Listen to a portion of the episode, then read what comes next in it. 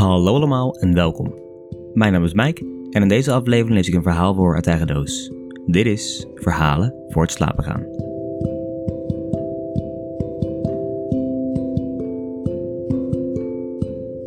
Ik heb, om eerlijk te zijn, best veel zin om het verhaal van deze aflevering voor te lezen. Dat komt eigenlijk doordat ik het verhaal verloren had gewaand en het afgelopen week ineens terugvond in een verstopt mapje op mijn computer. Het is een verhaal dat ik oorspronkelijk schreef voor het blad van mijn studievereniging, maar had uitgebreid voor de open avond. Het gaat over een student Nederlands die op een dag wordt meegenomen door de tijd en teruggaat in het verleden. Ze gaan langs Martinus Nijhoff en Gerard Reven in de tijd dat ze hun bekendste werk aan het schrijven zijn. En uiteindelijk komt de student tot de conclusie dat zelfs de grootste schrijvers ook ooit student zijn geweest. Dit is de tijdloze tijd.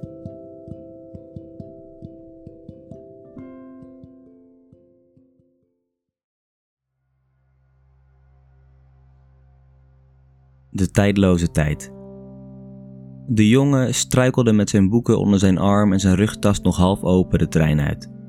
Hij haastte zich door de stationshal en probeerde tegelijkertijd zijn boeken in zijn tas te proppen, maar de rits wilde niet meewerken. Hij keek op zijn horloge. College was al begonnen. Het was stil op de drift, geen ziel te bekennen. Ineens stond er een man voor zijn neus. Nou ja, eigenlijk was het meer een jongen. Of nee, het zat er ergens tussenin. Hij kon het niet goed plaatsen, hij leek tijdloos. Ik zoek een reisgenoot, zei de man. Jij, meekomen. Ik? Zie jij iemand anders in deze straat? nou dan. Welke studie doe je? Nederlands. Naam? Sorry? Je naam, wat is je naam? Arnold. Arnold Water. Natuurlijk, het zal er eens niet, verzuchtte hij. Ach, we zullen het ermee moeten doen. Hier, pak mijn hand. Eigenlijk heb ik nu college. Mijn god, ben je er zo een? Wat wilt u met me? Ben ik de uitverkorene? Uitverkorenen bestaan niet. Jij was de enige op de drift, de keuze was snel gemaakt. En als je het niet erg vindt, mijn hand is geen uithangbord. Meekomen. Nog voor Arnold kon reageren, voelde hij de hand van de man in de zijne en de wereld om zich heen plots verdwijnen. Toen hij zijn ogen opende, stonden ze in een donkere straat. Arnold merkte al na enkele seconden dat hij nog steeds de hand van de man vasthield. Hé, hey, ik ben je vriendinnetje niet, zei de man. Sorry. De man liep naar een herenhuis en nam plaats naast het keukenraam. Hij wenkte Arnold, die langzaam naar hem toeschuifelde. Kijk daar eens naar binnen.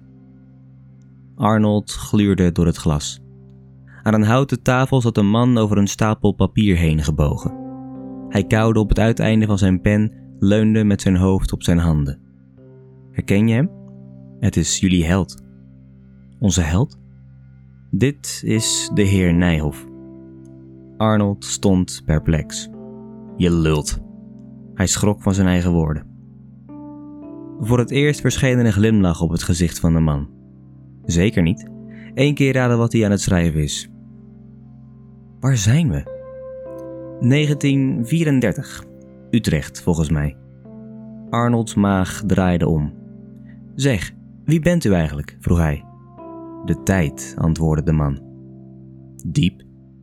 Nee hoor, alleen een slecht excuus voor de schrijver van dit stuk om je een tijdreis te laten maken. Ik bedoel, de tijd als man, hoeveel wiet heb jij gerookt? Ja, daar had de man wel een punt. Er kwam een vrouw de kamer binnenlopen. Ze ging naast Nijhoff staan, trok tot schrik van Arnold haar BH uit, maakte een propje van wat ooit een meesterwerk zou worden en stopte het in haar boezem. De man trok Arnold bij het raam vandaan. Tijd om te gaan, viespeuk, zei hij, en alles werd zwart. Het was nog donker, begon de man, ineens met een diepe stem. Toen in de vroege morgen van de 22. Ja, ja, oké, ik snap het, we zijn bij Reven. Een 22-jarige Reven, zei de man. Hij is ook gewoon student geweest. Dit was ongetwijfeld Amsterdam. Arnold keek door het raam het café binnen. Hij leek inderdaad jong, zoals hij daar zat aan de bar met een biertje naast zich, te krabbelen in een schrift. Arnold beelde zich in welke woorden het waren die hij aan het schrijven was, of hij ze zou herkennen. Hier zat een man die nog niet wist dat hij een held zou worden, een legende. Ineens schoot hem wat te binnen. Hij haalde zijn handen van het raam, bewoog zich naar de ingang van het café voor hij de arm van de man voelde. Wat doe je? vroeg hij. Ik moet wat tegen hem zeggen. Dat ga jij niet doen, dat is gevaarlijk. Boeit me geen reet. Als jij daar nu naar binnen gaat, help je alles overhoop.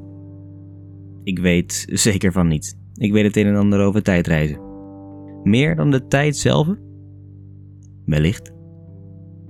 In dat geval, doe wat je niet laten kunt. Dus hij ging het café binnen, stapte op de man, nee, de jongen, de student af, die ooit in alle boeken over moderne letterkunde zou verschijnen, en voordat Arnold zich kon bedenken, tikte hij op de schouder van Gerard Reven. Goedenavond, begon Reven met een lage stem. Met welke jongeman heb ik het genoegen? Arnold. Arnold wie? Water. Arnold Water. Hij grinnikte. Weet je, als je een beetje creatief bent, kun je Martinus Nijhoff daarmee heel blij maken. Ja, dat weet ik, zei Arnold. Hem heb ik ook al ontmoet. Dat weet hij zelf alleen niet. Maar daar gaat het nu niet om. Ik heb wat voor je. Zo zo, een jongeman die wat voor mij heeft. Als ik vragen mag, waarom zit je dan nog niet op je knieën? Of ligt je broek dan nog niet op de grond? Nee, zei Arnold, ik heb wat anders. En wat mag dat zijn? Een einde.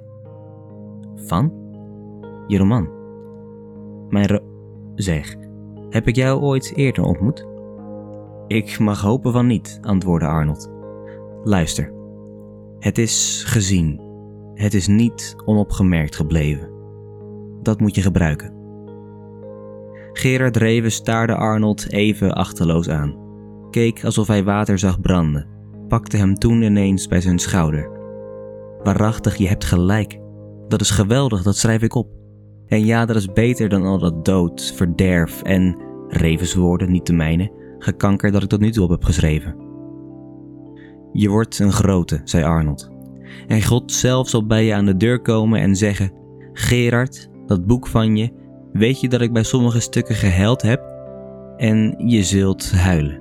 Maar niet lang daarna hem beginnen te kussen, hem mee naar boven nemen en hem drie keer achter elkaar langdurig in zijn geheime opening bezitten. Reven begon ze wat te janken door de woorden die Arnold via hem in zijn eigen mond had gelegd. Ja, dat is een moeilijke zin. Wie ben je? Vroeg Gerard uiteindelijk. Arnold, yours truly, de reisgenoot, zei hij en ging zonder verder iets te zeggen naar buiten. De tijd stond op hem te wachten. Genoeg lol gehad? vroeg hij. Ik wel. Ik ben alleen bang dat ik iemand met een gebroken hart achter heb gelaten. Volgens mij denkt hij dat ik God ben. Och, jemig. Dan komt hij straks nog naar buiten, zei de man. Kom, we gaan snel door. Het was weer licht. Deze wereld herkende hij. Hij herkende hem niet alleen, dit was zijn wereld. Ze stonden in de binnentuin van de Drift. Arnold liep het trappetje van Drift 25 op, staarde een lokaal binnen. Dat zijn wij, A-water, zei hij. Voor de klas stond een docent, wijzend naar plaatjes van bekende schrijvers op de PowerPoint. En de studenten schreven, typten, maakten aantekeningen, niet denkend aan de toekomst, niet wetend dat ze ooit allemaal een held zouden worden, een legende. Arnold draaide zich om naar de man die met een brede lach naar hem stond te kijken. Tot hier en nu verder, zei de man. Succes. En ineens was hij weg.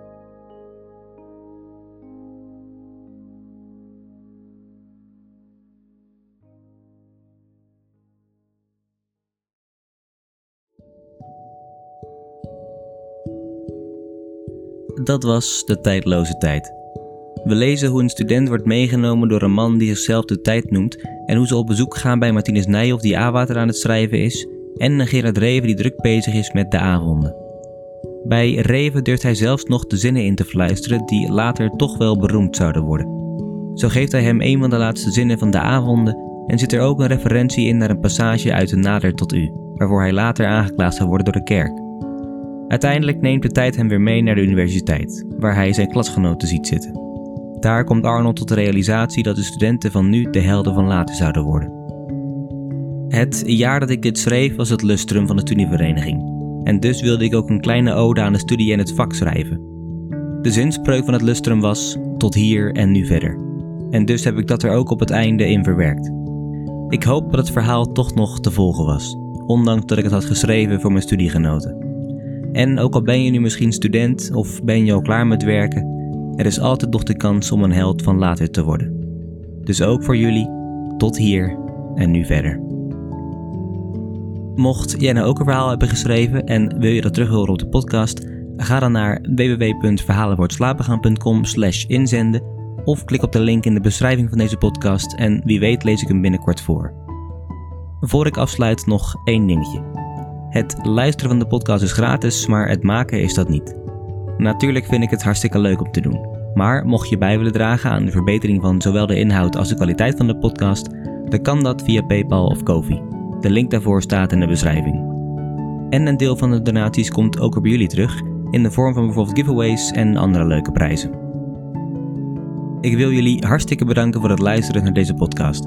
Voor achter de schermen, updates, vragen of opmerkingen kun je me vinden op social media onder de naam Verhalen wordt slapen gaan en dan zie slash hoor ik jullie volgende week.